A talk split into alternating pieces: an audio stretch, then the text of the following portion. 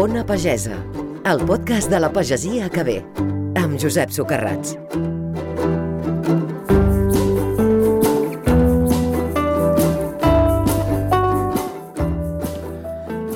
Molt abans que el Bulli arribés a ser el millor restaurant del món, quan Ferran Adrià tot just devia ser un marrec, els fundadors d'aquell eh, restaurant van fitxar un cuiner francès que faria història a Catalunya.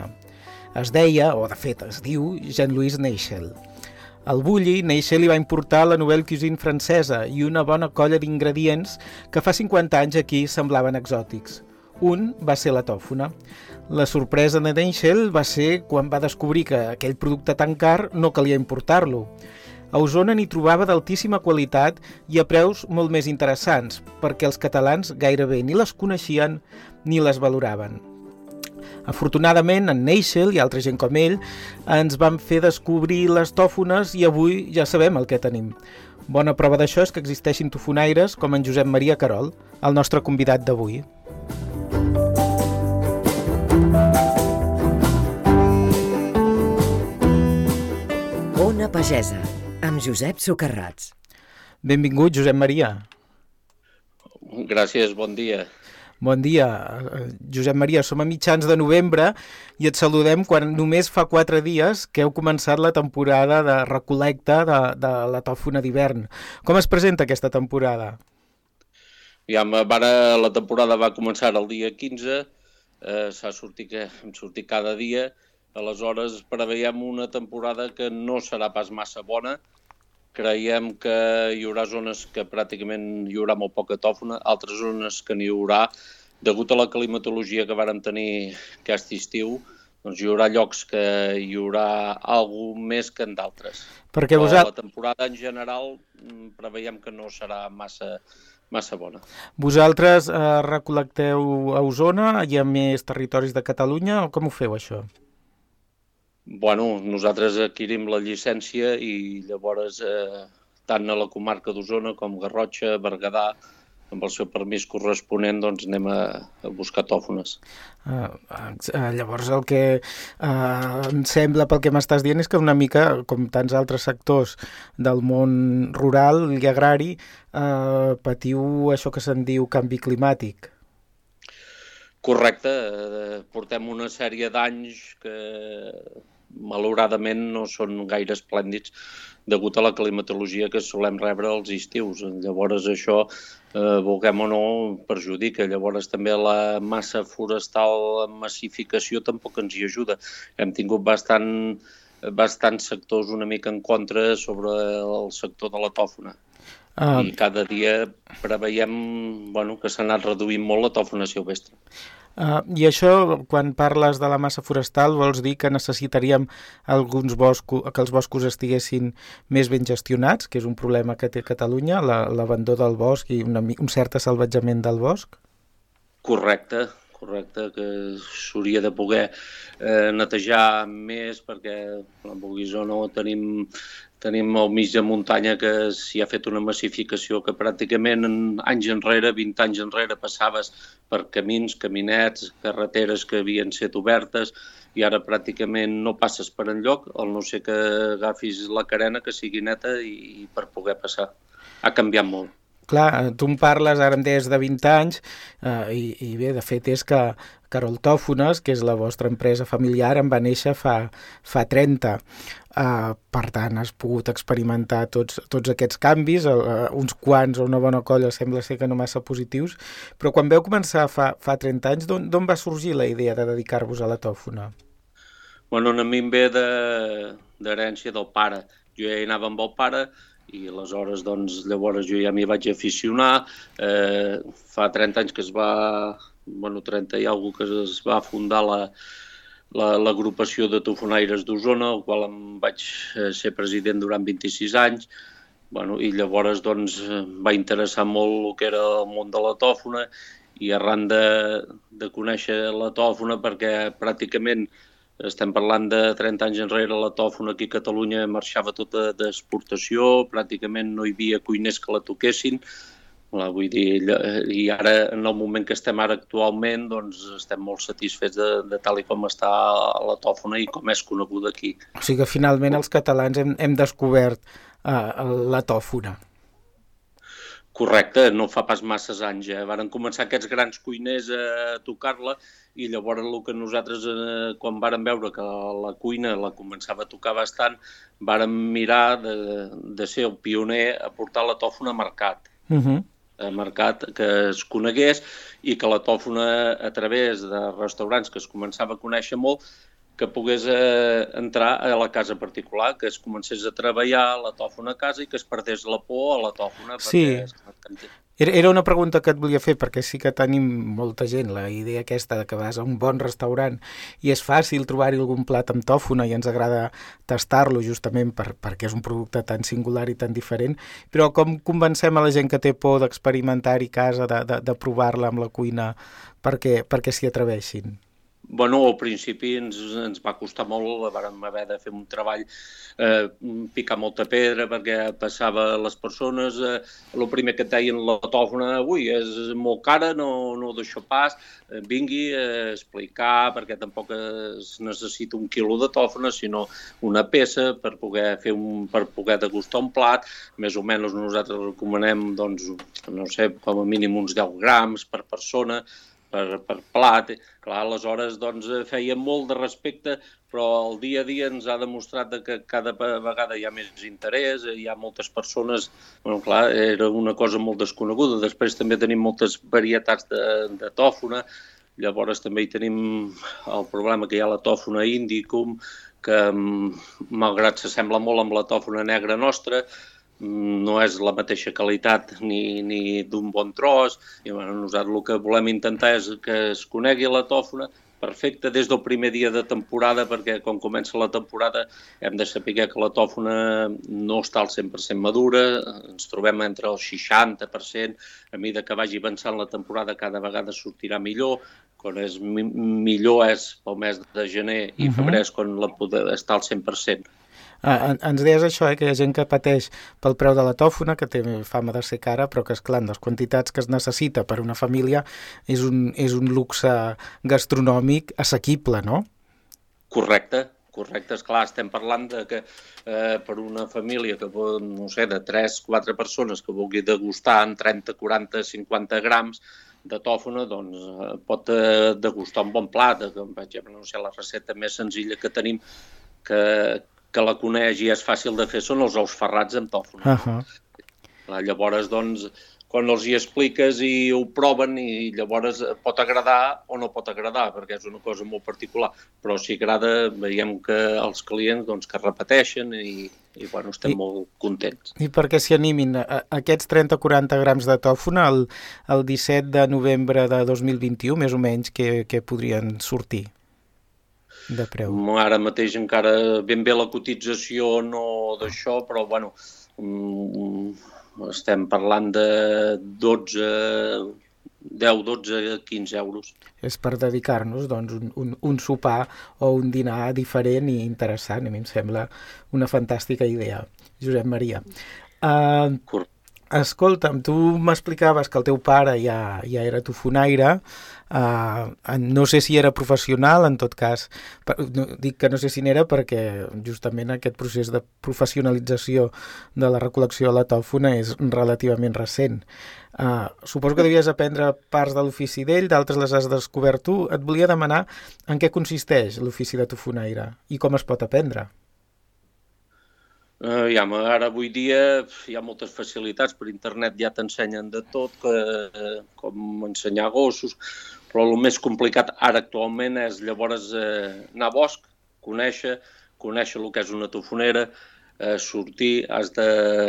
és a l'hivern, has de patir fred, uh, estàs tot el dia a l'aire, uh, a vegades podes estar de molta sort trobes eh, bastanta tòfona, d'altres dies que tornes que pràcticament no portes eh, res de gènere, bueno, aleshores, doncs, eh, bueno, eh, és una afició que t'ha d'entrar de, molt de dins.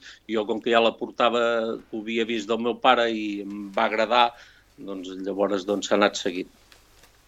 Llavors, uh, a més a més, uh, sou d'Osona. De quin poble concretament?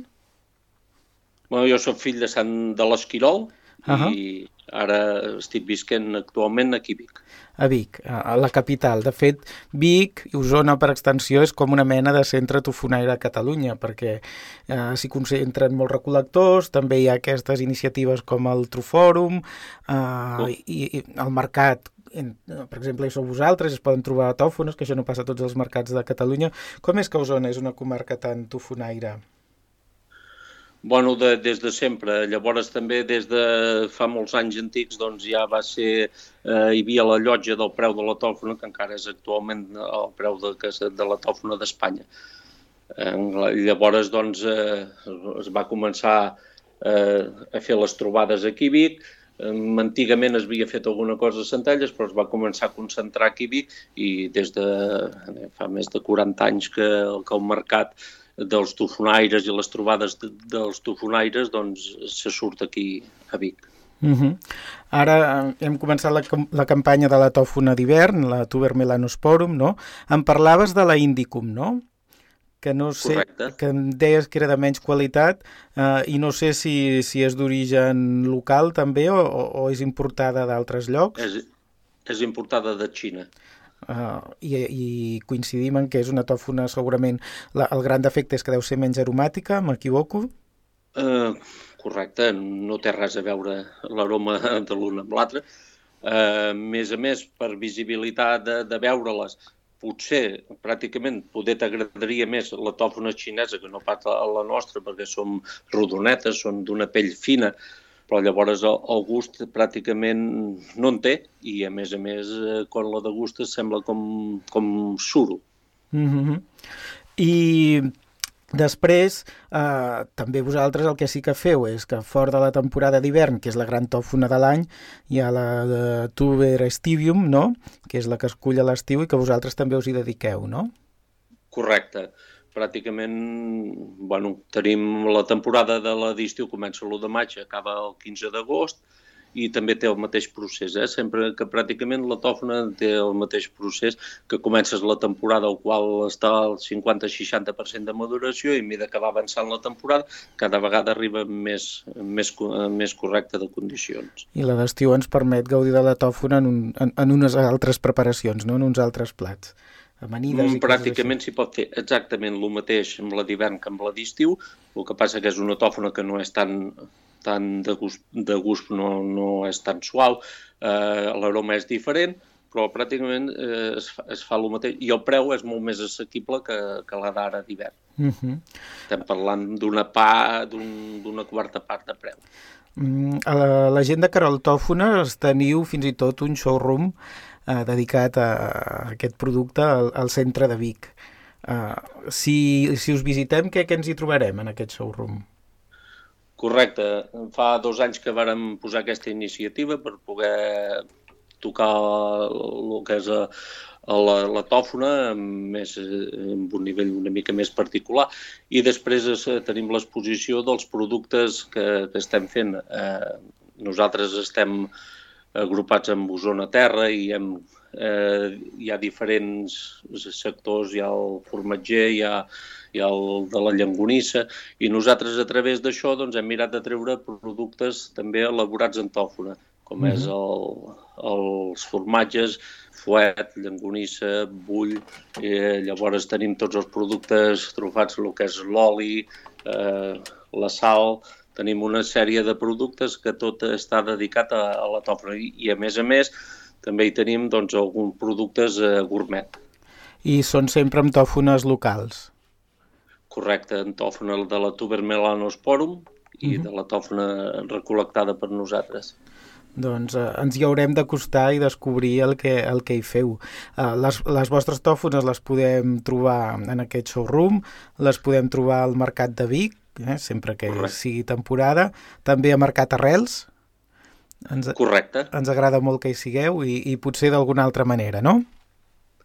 Sí, eh, bueno, ens, nosaltres estem molt, molt contents d'haver pogut entrar a Arrels i bueno, mirem d'ara quan arribi ja la tòfona amb unes condicions ja que, que estigui òptima de maduració, doncs també doncs, poder-les eh, eh, poder-la portar a casa, diguéssim, directa. ens, agra ens agradarà molt rebre-les, ens agradarà molt fer aquests ous ferrats amb tòfona, que són un plat tan senzill com, com exquisit. I Josep Maria, t'agraïm molt que ens hagis descobert tants misteris de, de la tòfona, aquesta, uh, aquest diamant negre que se'n diu, no? que teníem als boscos de Catalunya i que fins fa uns anys no li fèiem ni cas. Correcte, nosaltres en diem el diamant, el tresor del bosc, el diamant de la cuina. Doncs eh, ens posarem a tastar aquest tresor del bosc, aquest diamant de la cuina. Moltes gràcies, Josep Maria, per acompanyar-nos. Gràcies a vosaltres. Bon dia. Bon dia.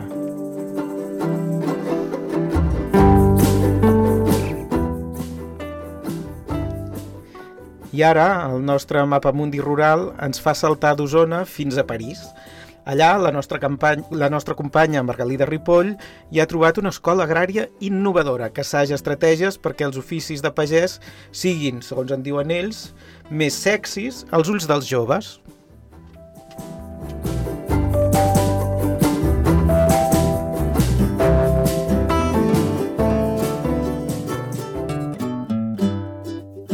Ona Pagesa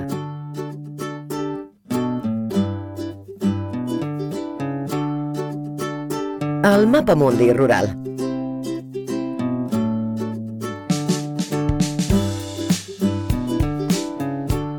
L'escola de pagesos poc convencional vol resoldre el problema del relleu generacional en aquest sector a França. Un multimilionari tecnològic, Xavier Niel, ha posat en marxa Hector, una escola un tant atípica. La seva voluntat és atreure cada any fins a 2.000 joves d'entorns urbans eh, o desafavorits i formar-los perquè siguin agricultors empresaris.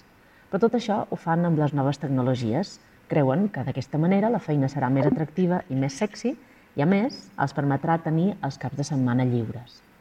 França produeix una cinquena part de tot el que consumeix la Unió Europea, però la meitat dels seus pagesos té més de 50 anys, pel que es calcula que unes 160.000 granges estan en risc de desaparèixer. Així, en aquesta escola hectar, els estudiants supervisen ramats de vaques que porten uns collarets que fan el registre de la seva salut i controla les seves constants. A través d'una tauleta controlen robots que sembren llavors a un camp o amb un software específic revisen l'estat d'una plantació. L'escola està fora dels estudis reglats, però els seus impulsors confien en que sigui un revulsiu per a aquells que no tenen feina consideren que en l'aplicació de les noves tecnologies poden atraure més joves i alhora contribuir al sector primari. I a més a més, estan convençuts que poden posar un granet de sorra per combatre l'escalfament global. Des de la redacció d'Arrels us ha parlat Margalida Ripoll Ferrer. Ona Pagesa, el podcast de la pagesia que ve.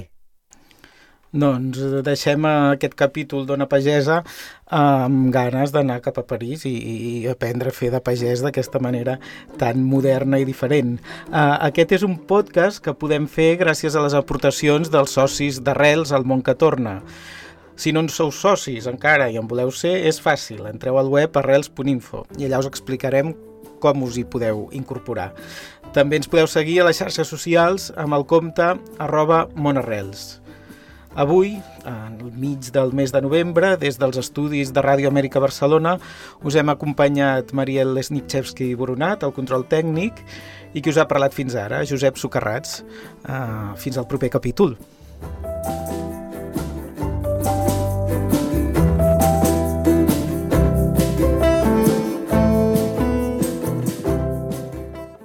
Aquest podcast compta amb el suport del Departament d'Acció Climàtica, Alimentació i Agenda Rural.